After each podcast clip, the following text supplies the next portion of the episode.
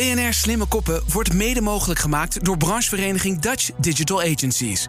De verslimmers van de wereld om ons heen.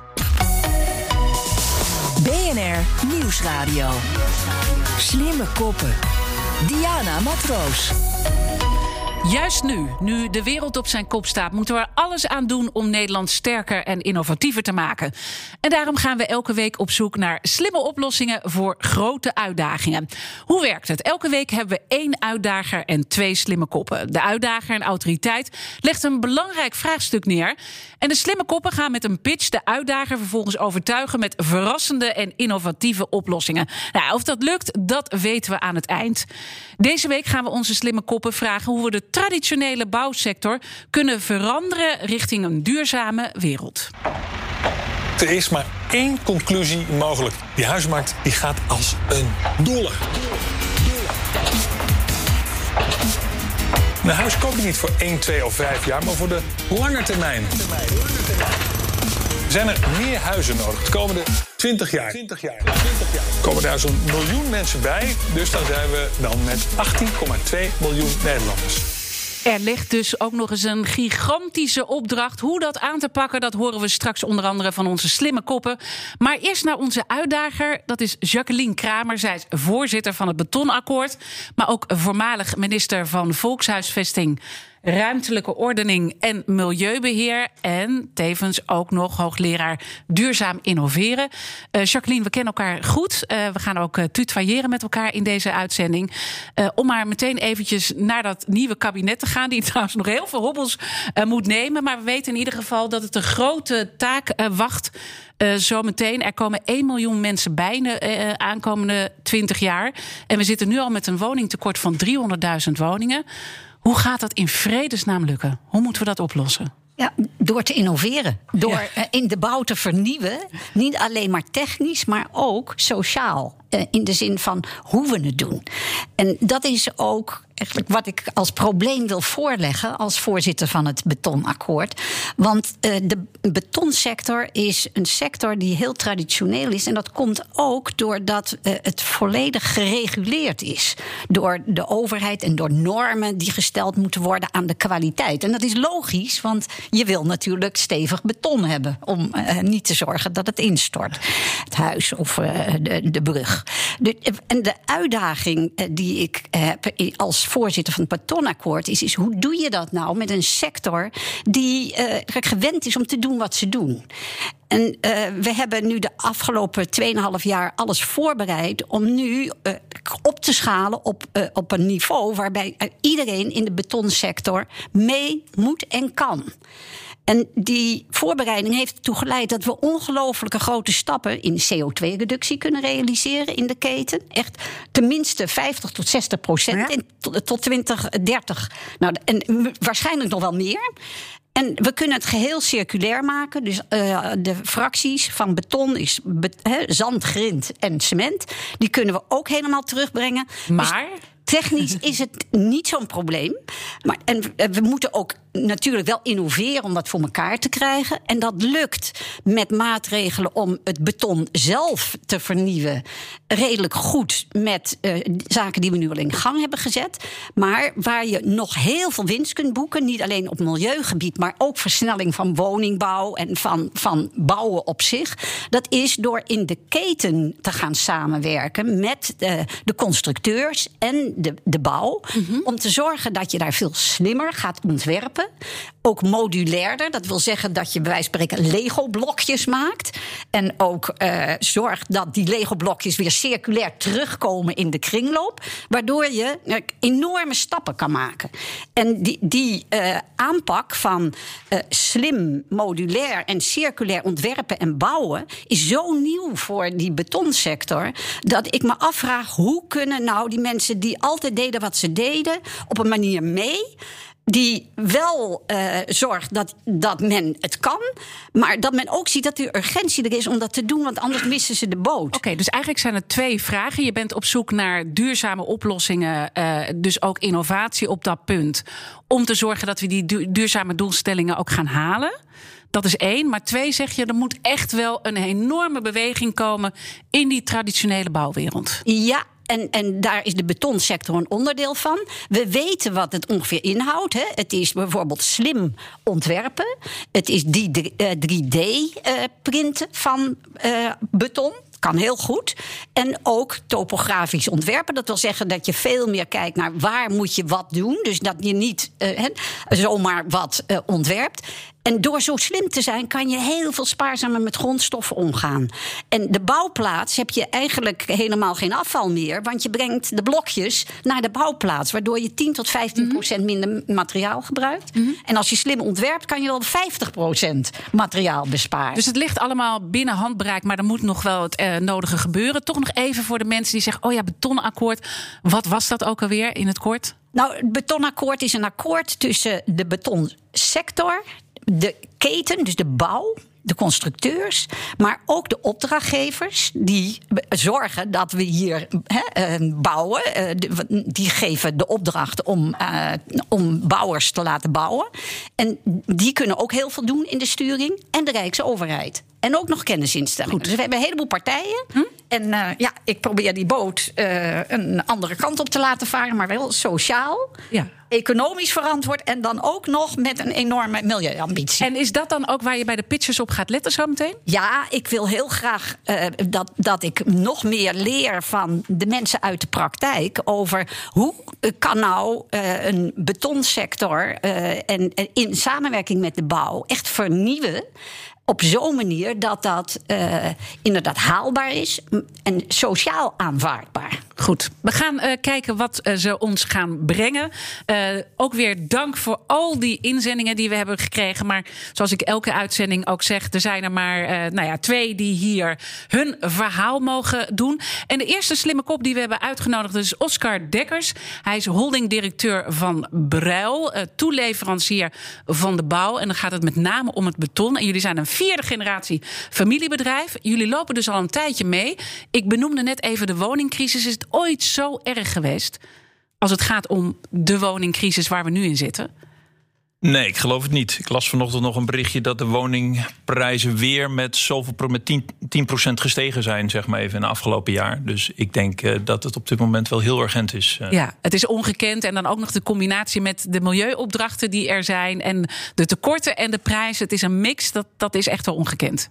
Ja, zeker. Het is niet alleen prijsstijging, maar beschikbaarheid van grondstoffen is heel actueel een enorm probleem op dit moment, zeg maar even. Dus, en dat maakt het nog uitdagender om te innoveren. Goed. Omdat daar uh, ja, die beschikbaarheid van bekende grondstoffen erg schaars is op dit moment. We zijn heel erg benieuwd naar jouw uh, verhaal. Uh, dus ik zou zeggen, heel veel succes met jouw pitch. Ja, dankjewel. dankjewel. Ja, om te innoveren heb je urgentie nodig. Urgentie is het allerbelangrijkste. En ons innovatietraject gaat al een jaar of acht terug. Wij gebruiken elke dag de urgentie uit de crisis van 2010 tot 2014. Op dat moment uh, hadden we eigenlijk alleen maar de P van prijs waar we het verschil mee konden maken naar onze klanten toe. Dat was de commodity trap. Je draaide aan de prijs en op het moment dat je goedkoop was, was je in business. Maar het gaat vooral ook om een mindset. Een mindset uh, die voor ons heel erg dominant was, is dat we in die tijd speelden om niet te verliezen, zeg maar even. En op dat moment hebben wij de crisis aangegrepen om eigenlijk onszelf te transformeren naar een positieve mindset, naar spelen om weer te winnen. En daar hebben we vier nieuwe business cases voor ontworpen. Maar nog veel belangrijker was om het innoveren in de hearts en de minds, in de harten en de hoofden van onze 400 collega's te krijgen. En daarvoor hebben we een integrale strategie ontwikkeld. Onze missie opnieuw benoemd: slimme bouwproducten maken met minder materiaal. En die twee pijlers zijn dominant in onze missie van Brel richting 2025. Dus een integrale strategie waar eigenlijk duurzaamheid geen afdeling meer is, maar in ons hele doen en laten uh, dominant aanwezig is. Goed, uh, dankjewel. En we gaan uh, straks er meer van horen. Je doet ook veel met 3D-printing. Dus dat is daar ook een belangrijk uh, onderdeel bij. Maar eerst gaan we naar onze tweede slimme kop. En dat is Wim Heerkers-Pronk. Hij is algemeen directeur en oprichter van Renew Building. Jullie zijn een groot voorstander van het hergebruik van materialen. Daar horen we straks vast en zeker meer over. Maar toch alvast even een kritische vraag van mijn kant daarover. Het hergebruik van bestaande materialen is toch veel duurder dan bijvoorbeeld uh, beton dat op grote schaal geproduceerd wordt? Nou, dat, dat, dat uh, zou je zeggen. Dat hoeft niet. Als je slim uh, nadenkt over detailleringen in, in, in de bouw en het, het, ook slim ontwerpt, dan, dan kun je hergebruik natuurlijk heel erg stimuleren en kun je ook in de voorschrijvende kant natuurlijk daar heel veel voordeel mee behalen. En dat kan zowel in hout als in beton. Er zijn Goed. Verschillende voorbeelden van. Ja. We, ook jij hebt één minuut pitch, dus ik zou zeggen heel veel succes. De tijd dringt. De bouwsector is naastig op zoek naar oplossingen om de bouw CO2-neutraal te maken. We beseffen ons dat het niet eenvoudig is om de bouwketen te veranderen. Dit vraagt initiatief, visie, draagvlak, vertrouwen en leiderschap. Maar wij durven te beweren dat het mogelijk is. Jaarlijks moeten er 75.000 woningen worden gerealiseerd. Met onze bevlogenheid en originele aanpak kan Rio Building ervoor zorgen dat deze woningen schoon en duurzaam kunnen worden gebouwd. Rio Building staat voor, het nieuwe, innovatieve, voor een nieuwe innovatieve manier van bouwen. Vanuit een onafhankelijke positie faciliteren wij bouwbedrijven door hoogwaardige circulaire casco's te ontwikkelen, te produceren en te monteren. We maken gebruik van, van een bouwmateriaal uh, dat van nature circulair is en zorgt voor opslag van CO2. En dat is voornamelijk hout. Hè? Dus er zijn ook hier hybride uh, oplossingen, maar hout is onze, onze, onze basisproduct. Daarnaast uh, bekijken we de het hele bouwproces en zorgen we ervoor dat dit efficiënt uh, zal verlopen.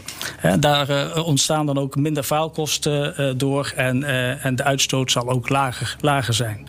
Doordat de cas casco's losmaakbaar zijn, zijn de grondstoffen volledig herbruikbaar. En dat betekent ook een besparing op toekomstige bouwkosten en, en CO2. Um, dat is eigenlijk even uh, mijn, In de kern, mijn pitch. Het verhaal. Ja. Uh, goed, ik ben heel erg benieuwd naar onze uitdager van vandaag. Dat is zoals gezegd Jacqueline Kramer, die hier zit. met name vanuit haar rol als voorzitter van het Betonakkoord. Maar natuurlijk al heel veel ervaring als voormalig minister van Vrom op dit punt. Wat, wat is je opgevallen? Nou, ontzettend leuk om het verhaal van Oscar te horen over de manier waarop duurzaamheid echt een onderdeel, integraal onderdeel van het bedrijf is gemaakt. Zodat het in de harten van iedereen zit en niet alleen maar van één milieucoördinator bijvoorbeeld. Dat, dat is heel essentieel. Tweede heel essentiële punt is de urgentie. Dat er uh, een verandering moet plaatsvinden. Of dat nou komt uit uh, uh, je eigen urgentie van uh, de planeet. Of en of, zou ik liever zeggen, de urgentie om het bedrijf weer klaar te maken voor toekomstige ontwikkelingen. En dat is de woningbouw versnellen, slimmer.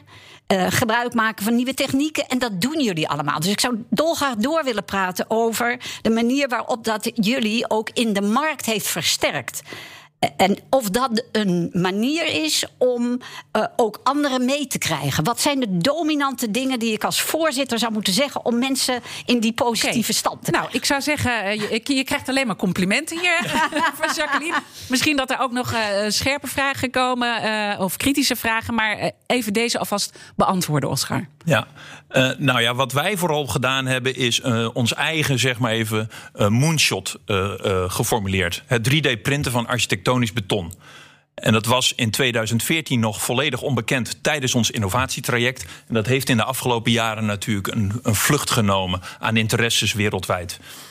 Uh, maar daar hebben wij dominant op ingezet. Uh, we zijn een familiebedrijf. Wij geloven in generatiedenken, niet in kwartaaldenken. Dus in de winst op lange termijn. Om dat is altijd het voordeel hè, met die familiebedrijven. Dat is zeker een ja. voordeel. En we beleiden het ook actief. En het voordeel wat je nu ziet nu wij zeven jaar met het 3D-printen van architectonisch beton, beton, zijn gestart, wat voor effect het heeft op onze positie in de markt, maar vooral op onze positie als werkgever. Veel nieuwe, jonge, hoogopgeleide mensen willen graag bij ons werken. En dat hadden ze niet willen doen als wij gezegd hadden van kom eens in Geert Ruinenberg bij Bruil kijken bij onze heipalenfabriek, hoe we hier die heipaal maken. Dus door een dus dominant... juist door die uh, duurzame transitie ook die jullie hebben doorgemaakt, uh, wil die jonge generatie uh, liever voor jullie werken? Nou ja, is zeker. Hè. Purpose is op dit moment voor de jonge generatie ontzettend belangrijk om te zeggen: joh, leuk, maar ik ga wel ergens werken waar ik ook nog betekenisvol iets kan doen. En niet Mhm. alleen maar mijn centjes kan verdienen, maar ook nog een bijdrage kan leveren aan een beter klimaat, aan een beter milieu. Om de wereld, wat voor mij persoonlijk geldt, beter door te geven dan dat ik hem heb ontvangen. Ja, voor en- mij en- een persoonlijke en, en als we dan even kijken naar het wapenfeit, als het gaat om de CO2-uitstoot, hoeveel minder is die door jullie manier van bouwen in met de traditionele manier? Nou ja, we moeten oppassen dat we de containerbegrippen zeg maar even niet verwarren met elkaar. Dus wij hebben eh, ons Moonshot 3D-printen van architectonisch beton. Dat is een volledig nieuwe technologie die wij eigenlijk vanuit de, vanuit de innovatieleer hebben opgestart. En uiteindelijk, zoals we hem nu doorrekenen, bijvoorbeeld met de circulaire viaducten, een uitvraag van Rijkswaterstaat, waar we actief mee bezig zijn, zouden wij een besparing van 60% tot 70% van het materiaal in 2027 kunnen realiseren met deze nieuwe technologie. Oké, dat, is, dat is heel erg goed eh, om te horen. En dan is eigenlijk de vraag van Jacqueline: wat zou zij kunnen zeggen richting die. eh, en dan gaan, dan gaan we naar jouw eh, verhaal ook hoor, Wim. Richting die sector. Hoe je, ja, wat moet zij zeggen om ze te overtuigen? Om mee te gaan in die transitie? Nou, dat het goed is om de lat hoog te leggen voor jezelf als bedrijf. En op het moment dat je die lat hoog legt, via een doelstelling, via een moonshot. Dat dat op een, bepaalde manier een positief effect heeft. En een bijvangst heeft eigenlijk voor het hele bedrijf. Als ik kijk wat er bij ons gebeurt, dat wij printen met eh, beton. Daar zijn elke dag 15 mensen mee bezig. Maar we communiceren er veelvuldig over. Dus iedereen vindt het mooi om zich daarbij, eh, om, om zich daarbij aan te sluiten. En daar iets van te vinden. En spreken graag op de feestjes van... joh, ik, eh, als, als we weer eens in die kring mogen zitten met elkaar... wat Brel als, als bedrijf allemaal voor elkaar zet. En, en, en dat heeft ook met de transitie te maken die we als bedrijf doormaken. In, in 2008 waren we zeg maar even marktleider in Otterlo, zeg maar even. Ja. En nu zijn we een vooruitstrevende landelijke speler als toeleverancier van de bouw. En Kijk. dat zorgt gewoon voor veel nieuwe, leuke collega's. Kijk, nou, dat, dat, dat is natuurlijk iets waar je het voor doet. Eh, Jacqueline, als we dan even naar het verhaal van eh, Wim Heerken gaan. Wat, wat is dan eh, het, hetgeen wat jij opviel, of waar je meer van wil weten? Nou, vooral eh, de ervaring eh, van Wim Heerkens in het eh, zorgen dat een bedrijf inderdaad. Wat Bruil heeft gedaan, die eh, verandering in niet alleen denken, maar in doen kan realiseren in het bedrijf. Hoe, hoe doen jullie dat in de praktijk, vraag ik me af. Geven ze een concrete case waarvan je zegt: kijk, zo pakken we dat aan.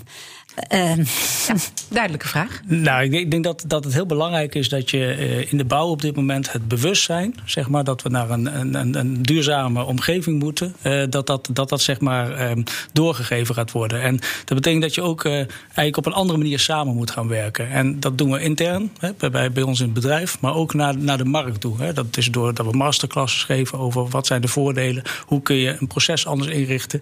Maar het is vooral kennis delen. En dat kennis delen, dat, dat, dat doe je door eigenlijk ook op een gegeven moment ook te gaan standaardiseren. Dus waar wij eigenlijk ook heel druk mee zijn, is dat we ook kijken naar bijvoorbeeld ontwikkelen van standaard woonconcepten. Bijvoorbeeld door wo- woningcorporaties. Dat doen we weliswaar op circulaire elementen hè, op basis van hout in dit geval. Het kan best zijn dat ook de constructie in een, in een, in een gebouw het vraagt. Hè, dat er dus be- beton aan de orde is. Hè. Denk bijvoorbeeld aan, nou, ik pak even, toch even kanaalplaatvloeren van, van VBI, vind ik daar een mooi voorbeeld in.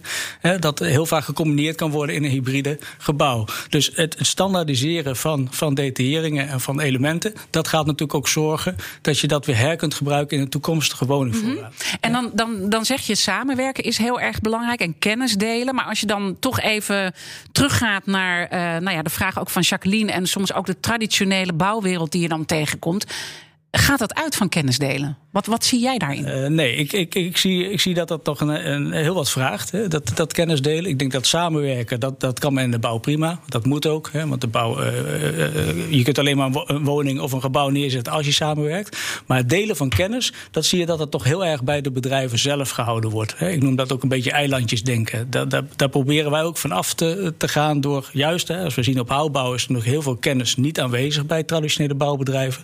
En wij hebben gezegd, Marino Building, hoe kunnen we nou zorgen dat we die kennis ook kunnen gaan overdragen aan de traditionele bouwbedrijven. Dat ze ook op die manier hè, zeg maar, de gebouwen neer kunnen zetten en, en daar ook eh, een voordeel mee kunnen doen.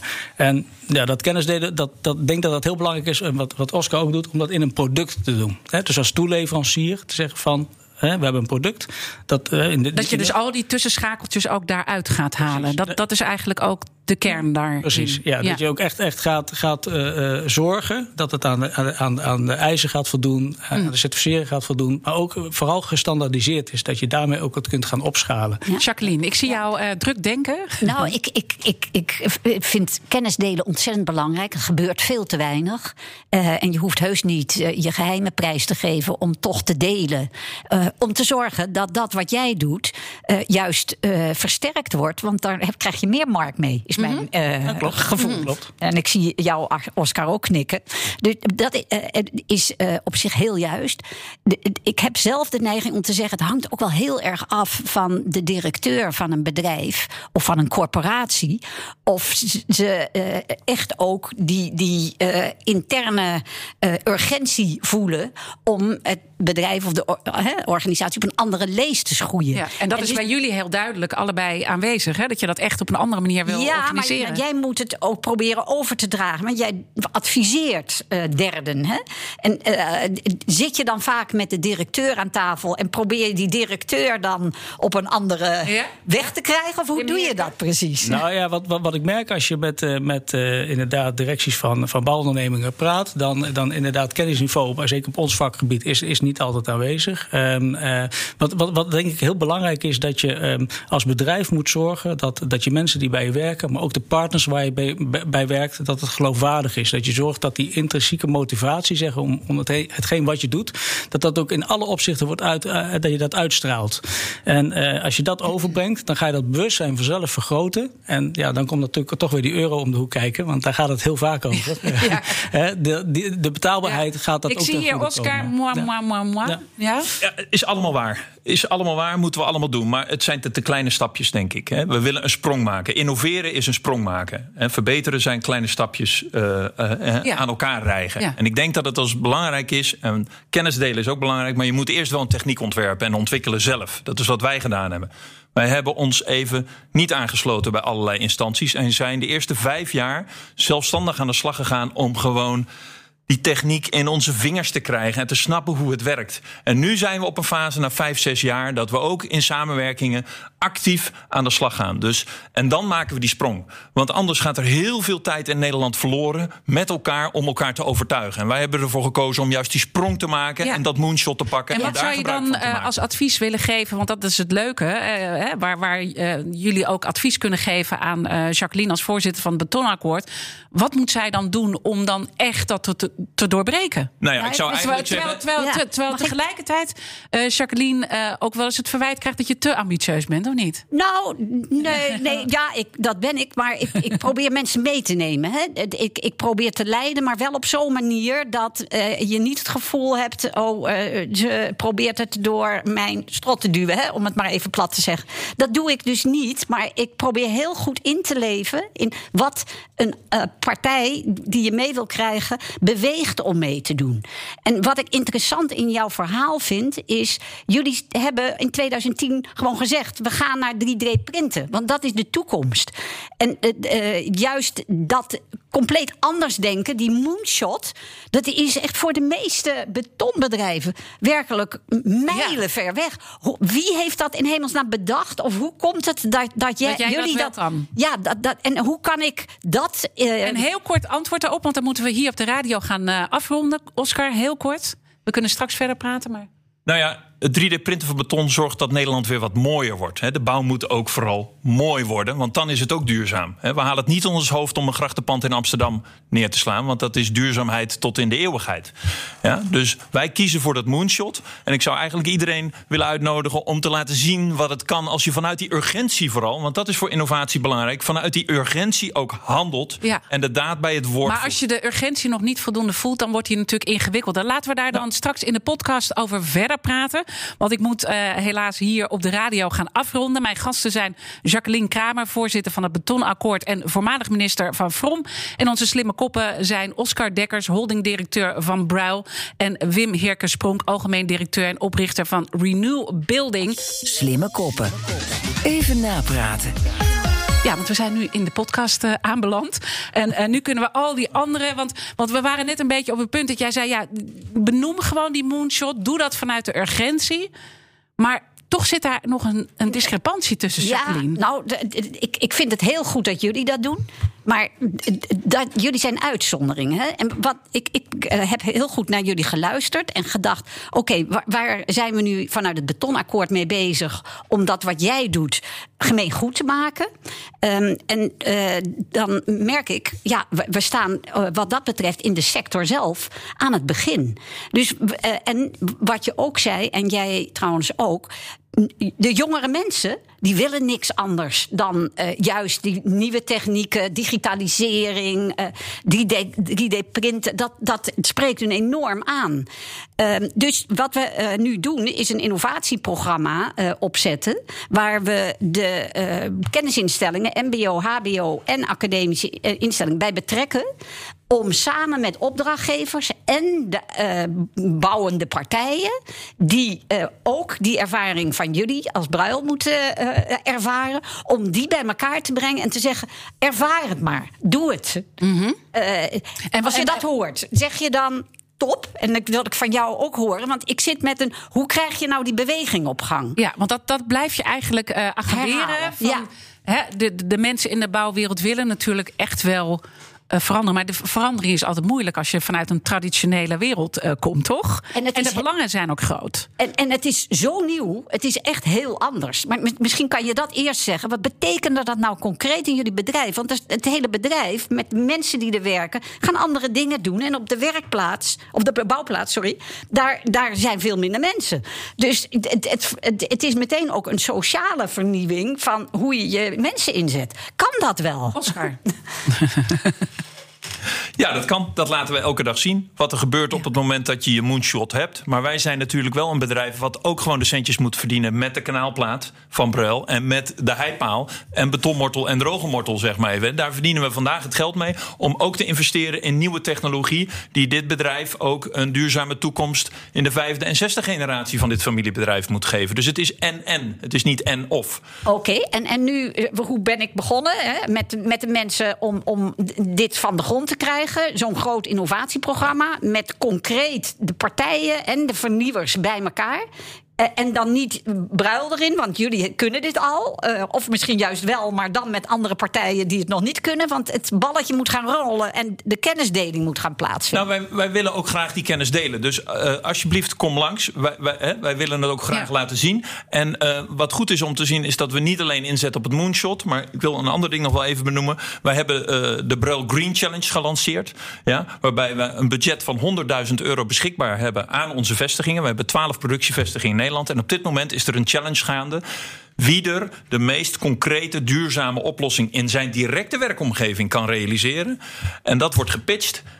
En de winnaar krijgt 100.000 euro om dat op zijn vestiging ook uit te voeren. En op die manier brengen we het ook echt lokaal naar die 400 collega's. Ja. Die initiatieven om het ook te doen. En zien ze zelf het resultaat van Oké, hun dus zo kan je dat dus eh, ook aanjagen. Maar dan ben ik toch benieuwd. Want je zei, we, we moeten ook die oude wereld nog steeds eh, bedienen. We hebben wel die moonshot. Maar wanneer werd het moeilijk om jouw eigen bedrijf mee te krijgen in die transitie? Want het klinkt allemaal heel geweldig. En je doet ook daarin geweldige dingen met die moonshot. Maar ergens is die weg ook hobbelig daar naartoe. Ja, zeker. Nou, en, zeker. en benoem dat dan even. Nee, de Ja, tijd hoe- van inspiratie is wel voorbij. We Ja. zitten nu gewoon met de zweetbandjes om heel hard te werken om die technologie eh, in de Nederlandse bouw, met al zijn wet en regelgevingen en normeringen, om die ook eh, eh, inpasbaar te krijgen. Hè? Ja. Dus nieuwe technologie moet ten alle tijde ook samenwerken in een nieuw gebouw met bestaande traditionele technologie.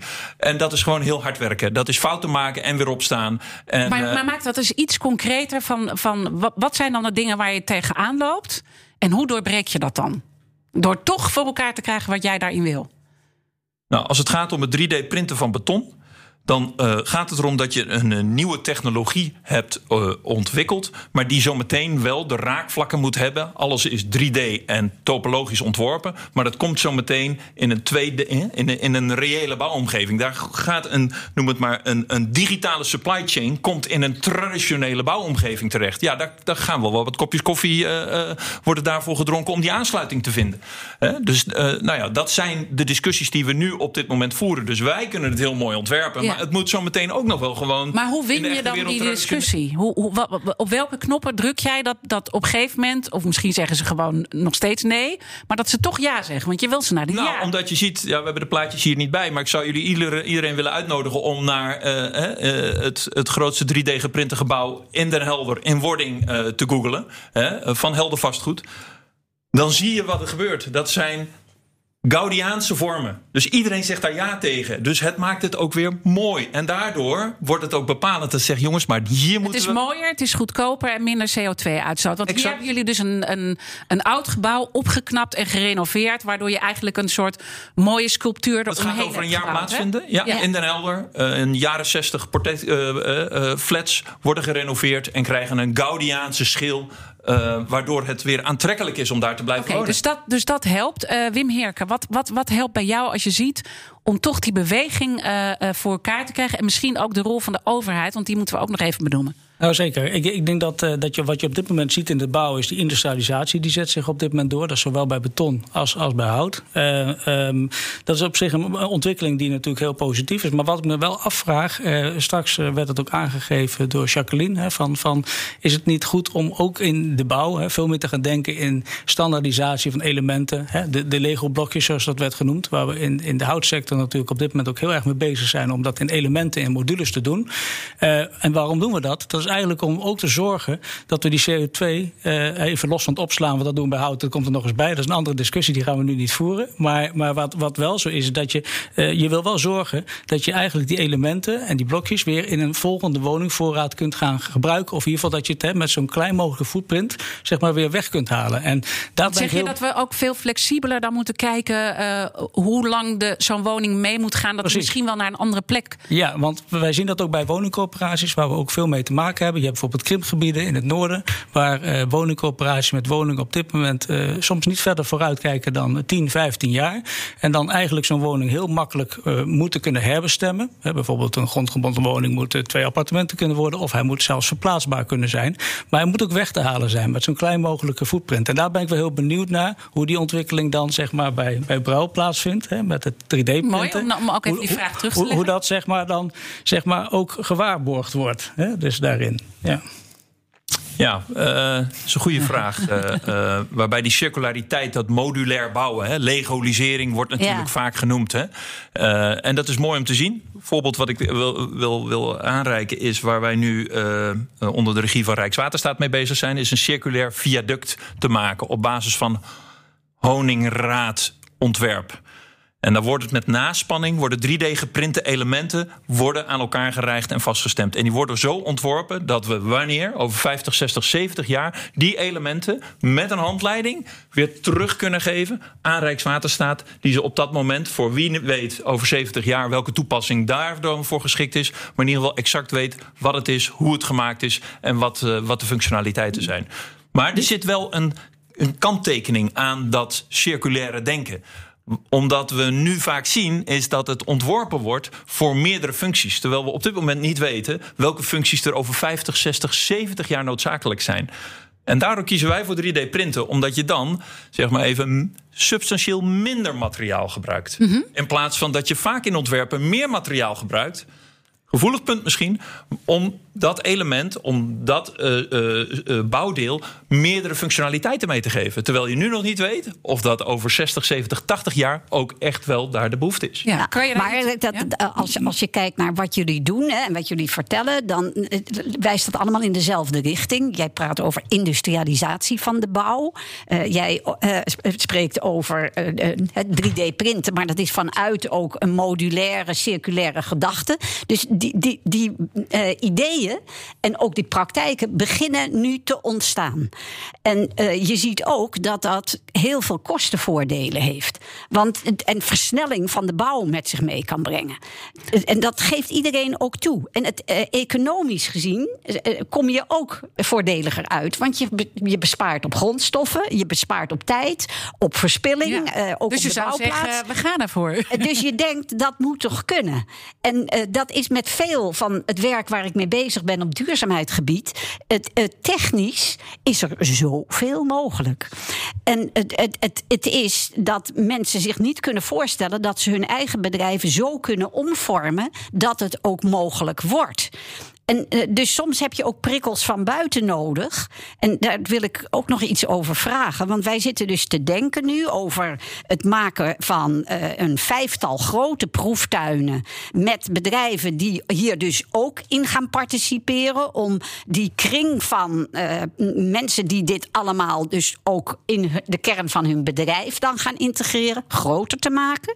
En als we nou over twee, drie jaar daar resultaten van hebben, dan hopen we dat we daar ook zaken over op kunnen nemen in de aanbestedingsrichtlijnen van de opdrachtgevers. Want andere aspecten die we nu uh, voorbereiden, daar doen we dat ook mee. En dat is een enorme sturende werking. Maar mijn vraag is eigenlijk: als je dat doet, dan. Kijk, bij, bij materialen kan je, kan je makkelijker iets voorschrijven om te verbeteren. dan bij zoiets als een sociaal proces met digitalisering. Je kan toch niet gaan voorschrijven, je moet 3D ja. Gaan printen. En wat is dan je vraag? Nou, wat, schrijf, wat denken jullie dat wij over drie jaar gaan voorschrijven als wij ervaring hebben, zoals jij, uh, uh, ja? Oscar, okay. en jij ook met Wim Gerken. Wat ja. kan je dan voorschrijven? Ik, ik, denk dat ik daar wel een goed voorbeeld uh, voor heb. Dat is wel eens waar even vanuit hout gerelateerd. Maar waar wij mee bezig zijn op dit moment is dat we inderdaad standaardiseren. Dat iedereen zeg maar elementen gaat gebruiken die eigenlijk ook uniform zijn. Dat je eigenlijk op een onafhankelijke manier de bouw gaat faciliteren. Dat die elementen eigenlijk toepasbaar zijn. En of dat nou beton of hout is, zou allebei kunnen. In, in, in nieuwe toepassingen. En dan denk ik even aan de woningbouw. Een van de initiatieven waar wij bij betrokken zijn, dat is het Groeifonds Circulair Bouwen. En waarom doen we dat? Omdat we daar de betaalbaarheid enorm mee kunnen vergroten. Uh, uh, doordat wij eigenlijk nu bezig zijn om te kijken maak je de, de eigenaar van woningen, bijvoorbeeld in dit geval de, de woningcorporaties, eigenaar van de grondstoffen of niet?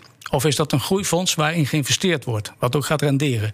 En bij hout heeft dat een extra uh, uh, effect. Uh, op het moment dat je de, natuurlijk zegt van een, een, een, groeifonds en je hebt elementen die weer in een volgende woningvoorraad kunnen worden gebruikt. Kijk, die elementen, daar is CO2 in opgeslagen. En die CO2 die we eigenlijk zo lang mogelijk in die gebouwen vasthouden. Dus daarom is het heel belangrijk dat we dat zo, zo standaard maken dat je in een volgende woningvoorraad dat, dat, dat is eigenlijk waar je steeds op blijft hameren, hè? Die nou ja, standaardisatie. Die standaardisatie. Maar kan, kan je standaardisatie als richtlijn meegeven in aanbestedingen? Dat, dat heb ik nog niet eerder meegemaakt. Nee, maar je, maar je kunt wel kijken of, of, of je bijvoorbeeld wel of geen eigenaar van grondstoffen wil zijn. Dus met andere woorden, je maakt de producent op dat moment verantwoordelijk voor het hm? product. En okay. uh, dat als je het dan wat breder trekt. Uh, dat, dat is nee, eigenlijk ik, wel een, een ontwikkeling, en denk ik. zie ik, intussen je... ja. Oscar uh, druk pennen van Bruil.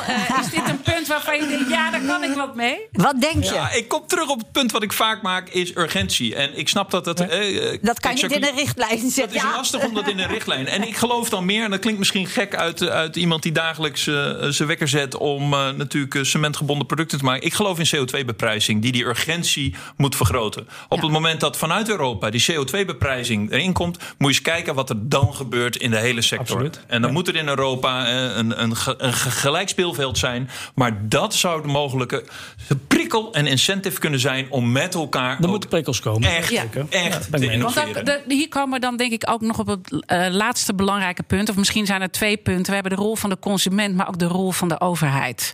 En uh, ik vraag dat ook even aan jou, Jacqueline Kramer, als voormalig minister van uh, Vrom. Wordt het tijd dat de overheid meer regie gaat pakken en hoe dan? Ja, dat wordt tijd. Maar wat ik beweer is dat die regie anders is dan in het verleden. In de uitvoering van dit soort grote transities, bijvoorbeeld in de bouw rond duurzaamheid, zul je ook in het netwerk van partijen die dat moeten doen, want je ziet hoe ingewikkeld het is, als daar een overheid alleen maar een decreet afgeeft CO2-beprijzing, dan gaat het niet alleen vliegen. Je moet dus de sector en de keten meenemen nemen. En die opdracht. Precies. Mm -hmm. Dus wij bepleiten nu, voor wat we tot nu toe gedaan hebben, dat er een harmonisatie komt van de aanbestedingsrichtlijnen die opdrachtgevers geven. En de, die aanbestedingsrichtlijnen zijn wat voorbereiden op een ambitieus niveau, wat uh, getrokken wordt eigenlijk door de prestaties die koploper zal kunnen. Waardoor je daarmee de, de, het peloton meetrekt. En wij uh, verlangen van de Rijksoverheid dat ze uh, die regie neemt op harmonisatie van de aanbestedingsrichtlijnen. Die moeten natuurlijk dus nogmaals ambitieus zijn, want anders haal je die uh, ambities niet. En daarom vraag je ook wat moet er dan in komen te staan? En daarom precies. Wij hebben wel nu uh, allerlei uh, instrumenten om het materiaal zelf een beprijzing te geven. En dat gaat goed werken. Want dan, en dat is ook het vak van de betonproducenten. is dat die, die MKI, die milieukostenindicator? Ja, ja, ja, dat is inderdaad de milieukostenindicator.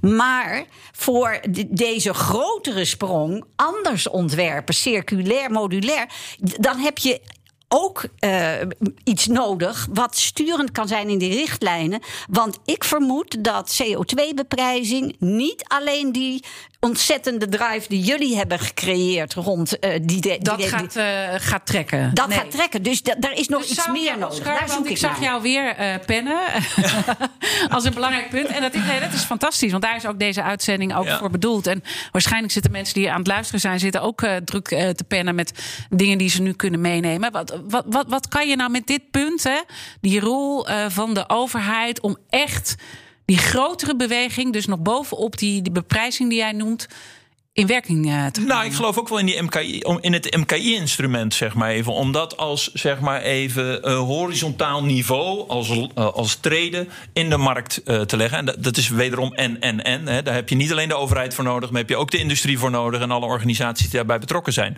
Maar daar geloof ik wel in. Er, er moet een prikkel zijn. En als er geen hm. prikkel is, dan hebben we, we hebben een extreme vraag. Ja. Weet je? Wij hoeven niet te innoveren. Hè? Weet je, op dit moment is er een dusdanige extreme vraag dat iedereen rustig achterover kan zitten en gewoon zijn producten die hij vandaag de dag maakt, prima kwijt kan in de markt. Geen ja, enkel. Dus zie dan maar eens die urgentie te voelen dan. Het gaat over de as van urgentie. En die moet ergens moet die erin komen, want anders gaan we niet bewegen. Ja, en dan wordt er dus door de bouw nu gezegd: ja, maar en en duurzaam en ook nog snel, dat kan niet. En mijn uh, opvatting is, en de ervaring ook van veel mensen uh, uit de uh, bouwsector zelf is, dat kan prima. Kan ook prima. Dat, kan, prima. Tuurlijk kan dat prima. Ja. En, en uh, we hebben, ik, toen ik minister was, 2007, hebben we al een akkoord gesloten dat in 2020 uh, vastgelegd wordt in bouwbesluiten dat we uh, energie-neutraal bouwen. Ja. En dus, ja, maar, maar, er zitten in het even heel, er zitten in het betonakkoord een aantal partijen die hebben geen belang bij minder materiaal. Die hebben een belang bij meer materiaal. Ja? Dus het is een club met ook conservatieve, dominante partijen in de industrie. En die spelen daar ook wel een cruciale rol natuurlijk. En hoe, hoe doorbreek je dat dan? Nou ja, daar zou bijvoorbeeld die MKI zou daarin een mooie horizontale, zeg maar even, uh, platform kunnen zijn. Mm -hmm. Wat je transparant voor meerdere jaren afspreekt. Hè, waarbij je laat zien hoe die er over twee jaar uitziet, hoe die er over zes jaar uitziet, hoe die er over tien jaar uitziet. En daar dan ook met elkaar aan vasthouden. Hè? Juist. Maar dat, dat en is... niet over een jaar weer zeggen, nou, we hebben nu weer wat anders bedacht. Maar is dan die, die, die dwang die je dan toch een beetje gaat opleggen, is dat dan toch de manier om tot die verandering te komen, Jacqueline Kramer? Nou, ik denk dat het wel nodig is dat er een actieve overheid is. Niet om iets van bovenaf op te leggen wat niet werkt. Maar uh, ik hoor echt alle partijen uit de uh, betonketen zeggen schrijf uh, aanbestedingen zo voor dat wij weten waar we aan toe zijn. Niet alleen vandaag, maar ook uh, in een trits, wat we nu uh, voorstellen ook 2023, 25, 27 en 30. En uh, dat is het basisniveau waar iedereen dan ook aan moet voldoen. En dat kunnen ze nu al weten, want we gaan dat dus ook allemaal ja. zo opschrijven dat iedereen. Maar je zou eigenlijk willen dat, dat, ze voelen wat, wat, wat, wat jullie voelen. Uh, hè? Dus, dus Wim Herke en Oscar.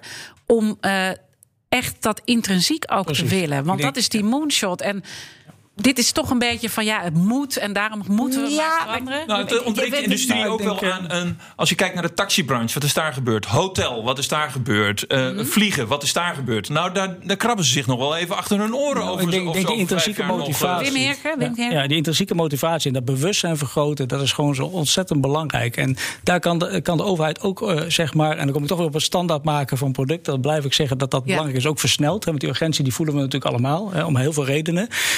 Ehm, maar ik denk ook als we kijken naar uh, het, uh, het vergunningen, vergunningen aanvragen voor bouwprojecten. nou, kijk even naar het stikstofvraagstuk wat er ligt. Daar is natuurlijk ook heel veel te winnen. Daar kunnen we best, best, best wel met elkaar afspraken over maken. Wat, wat een versnelling gaat geven, waar we duidelijkheid over kunnen verschaffen. Want daar zit ook heel veel vertraging in op dit moment. Ja, nee, maar dat is ook waar. Ja. Ik bedoel, als je kijkt naar waar we nu tegenaan lopen, is de vergunningen duren veel te lang. de, de, de waarde van de grond is, is veel te hoog. Uh, dus dat speelt ook allemaal mee. Dus mijn opvatting is: in deze tijden hebben we een actieve overheid nodig. die die problemen die zij uh, uh, tot hun verantwoordelijkheid moeten nemen. ook echt ja. uit gaan voeren. En Want, voelen ze dat dan? Want je hebt natuurlijk genoeg contacten. Nou ja, kijk, we komen uit een tijd waar overheidssturing zo was. echt ook getriggerd door een markteconomie. dat de overheid stelde een visie en doelen op. En dan zei ze tegen het bedrijfsleven. Nou staan jullie om het uit te voeren. En dan hoorde je uit het bedrijfsleven. Ja, maar dit is toch niet onze taak, dit moeten jullie doen. En dan kwam er vaak een houding van: ja, maar jullie komen zelf wel met de oplossingen. Nee, zo gaat het dus niet. Het is een netwerk van partijen Mhm. waarin iedereen. Heb jij daar toen al voor gewaarschuwd als uh, minister van Vrom? Nou, ik he, heb dit al, al, altijd al beweerd. Ja. Ja. En Toen, ook toen ik het uh, grote programma rond Schoon en Zuinig, het eerste klimaatprogramma, wat integraal was, heb opgezet. Toen zei ik ook: iedereen moet in de benen komen. Want anders gaat het nooit lukken. En wij hebben een verantwoordelijkheid. En ik zat er dus ook wel dicht bovenop om te zorgen dat ik mijn rol als minister ook goed uh, uitvoerde. Om te voorkomen dat iedereen weer ging pingpongen en zeggen: ja, maar ik moet wachten eerst op de overheid. Weet je, dat, dat is wat, wat er al Die aan de hand situatie hebben gecreëerd en je zegt dat moet dus terug. anders. Dus ik heb me de laatste jaar, tien jaar bezig gehouden met netwerksturing. Uh, en ik vertelde jou, uh, Diana, dat ik daar ook uh, een Engelstalig, maar ook een Nederlandstalig boekje met tien bouwstenen over heb geschreven. Waarin ik gewoon klippenklaar zeg: dit is netwerksturing, zo pak je dat aan. En dat doe ik dus nu eigenlijk concreet ook met het betonakkoord. Ik pak het precies zo aan als ik zelf heb geschreven. En wat is dan de kern? Als we even die tien is het nou, het, begint, het begint met urgentie en het uh, bouwen van coalities van partijen die de vernieuwing met elkaar in gang zetten, waarbij iedereen zijn eigen rol en verantwoordelijkheid pakt en zich daaraan houdt. Zo simpel is het. Gewoon duidelijke speelregels dus dan ook. Ja, en, Ja. en ook duidelijkheid, zodat mensen zich kunnen voorbereiden op vernieuwing Ja. en investeringen waar ze eh, van zeggen: ja, ik wil het wel doen. Maar dan, dan moet ik ook wel perspectief hebben. En dat ontbreekt zo vaak. En dan komt Ja. er weer een nieuw kabinet. En die gooit het helemaal weer door elkaar. Nou, dat is een. eh, En dat is een frustratie eh, waar, waar jullie denk ik allemaal eh, tegenaan lopen. Ehm, eh, misschien nog het, het, het allerlaatste punt, en dan gaan we afronden wat mij betreft. Eh, de consument. Want we kunnen van alles bedenken richting de overheid en de bouwsector die moet veranderen. Maar zit er niet ook een rol voor de consument, Wim Herken? Uh, nou, nou, ik denk zeker. Ik denk dat, dat uh, kijk, voor de consument is het ook wel belangrijk. Ik denk dat, dat we uh, vooral ook steeds meer zien dat bij consumenten de du duurzaamheid langzamerhand het draagvlak begint te, te, krijgen. En ik denk gezondheid is ook iets wat natuurlijk een, een, maatschappelijk vraagstuk is, zeker in deze tijd. En ik denk dat we als bouwsector daar ook een verantwoordelijkheid in hebben om ook kijkend naar hoe gaan we woningen bouwen, hoe, welke materialen gaan we daarvoor inzetten. En is een woning ook gewoon gezond hè, om in te wonen, of een gebouw gezond om in, in te zijn. En ik denk dat daar de consument een hele belangrijke uh, um, vragende rol in heeft. Uh, hè, zeg maar Want naar, wat naar zo kom jij natuurlijk ook ja. op het bouwinhoud. Dat en, en zijn meer maken voorbeelden, is, maar, is. Ja. gezonder, maar ook het wonen erin is gezonder. Ja, zeker, zeker. Want wij bouwen dampopen constructies. Dat betekent dat je andere installaties nodig hebt. Dat het zijn ademende woningen. Dat is, dat is gewoon een prettig klimaat. Uh, uh, je hebt te maken met toch ja, minder schadelijke stoffen die, die voor mensen en dieren niet goed zijn.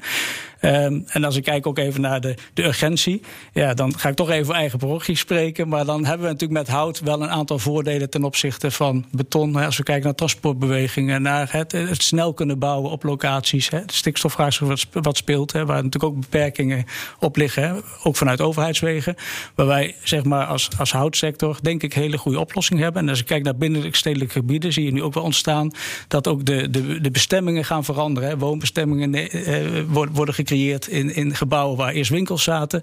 Nou, met hout kun je daar ook hele mooie oplossingen in, in vinden om, om bestaande gebouwen van bijvoorbeeld beton, om die op te toppen. Hè, en daar zeg maar meer woningen te gaan realiseren. Zonder dat je zeg maar uh, de, de, de binnenruimte die nog over is binnenstedelijk gaat En daar sta je dus voor uh, met Renew Building. Ja. Oscar Dekkers, holding directeur van Bruil. Wat, wat, wat vind jij nog belangrijk om als takeaway ook, ook richting die consument wellicht? Nou ja, dan haal ik toch wel het 3D-printen van beton nog even aan als afsluiting. dat is een digitale supply chain. Dus uiteindelijk is die mogelijke consument kan zelf invloed uitoefenen achter zijn computer aan het ontwerp van zijn bouwdeel dus dat is een totaal ander proces. Dat wordt veel transparanter dan het huidige bouwproces is. En dat kan mogelijk ook als voorbeeld dienen, zodat we zelf achter de knoppen zitten als consument om ons ontwerp van onze volgende woning te, uh, mede te bepalen. Ja. Jacqueline Kramer, voorzitter van het Betonakkoord, want dat was de belangrijkste rol waar jij hier in deze uitzending zat. Wat neem jij mee als takeaway van de verhalen die je nu uh, hebt gehoord van onze slimme koppen? Ja, eh, vooral het uh, creëren van de urgentie. En van in het bedrijf waar eh, de directeur die urgentie uitdraagt, ook zorgen dat het land in die organisatie en dat de vernieuwing omarmd wordt op een positieve manier, waardoor ook de jongere generatie weer in die bouw wil werken. En oh, dat doen ze natuurlijk ook wel deels, maar er komen gewoon veel meer mensen als, als dat gaat gebeuren. En wat ik er ook uit meeneem is uh, het is toch ook uh, van iedereen een, een uh, opdracht om de rol te pakken die ieder moet vervullen. Dus ook een rijksoverheid om te zorgen dat de urgentie, waar jij, Oscar, zo nadrukkelijk ook op, op hamerde en jij trouwens ook, dat, dat die ook daadwerkelijk gevoeld wordt. Want daar begint het allemaal mee. Ik wil jullie heel hartelijk danken, ook in deze podcast. Nogmaals, eh, Jacqueline Kramer, voorzitter van het Betonakkoord... en voormalig minister van Vrom. En onze slimme koppen, dat waren vandaag Oscar Dekkers... holdingdirecteur van Bruil en Wim Herkerspronk... algemeen directeur en oprichter van Renew Building. Um, toch nog even, ik heb het net ook gezegd op de radio, maar toch nog eventjes ons onderwerp voor volgende week. Uh, dan gaan we het hebben over echt en nepnieuws. En uh, welke slimme oplossingen zijn er nou denkbaar om tot een goed onderscheid te komen? En welke rol heeft de kwaliteitsjournalistiek daarin? Houd dus mijn LinkedIn-pagina in de gaten voor actuele oproepen voor nieuwe slimme koppen. Mijn naam is Diana Matroos en samen maken we Nederland slimmer en sterker. Dank. BNR Slimme Koppen wordt mede mogelijk gemaakt door branchevereniging Dutch Digital Agencies. De verslimmers van de wereld om ons heen.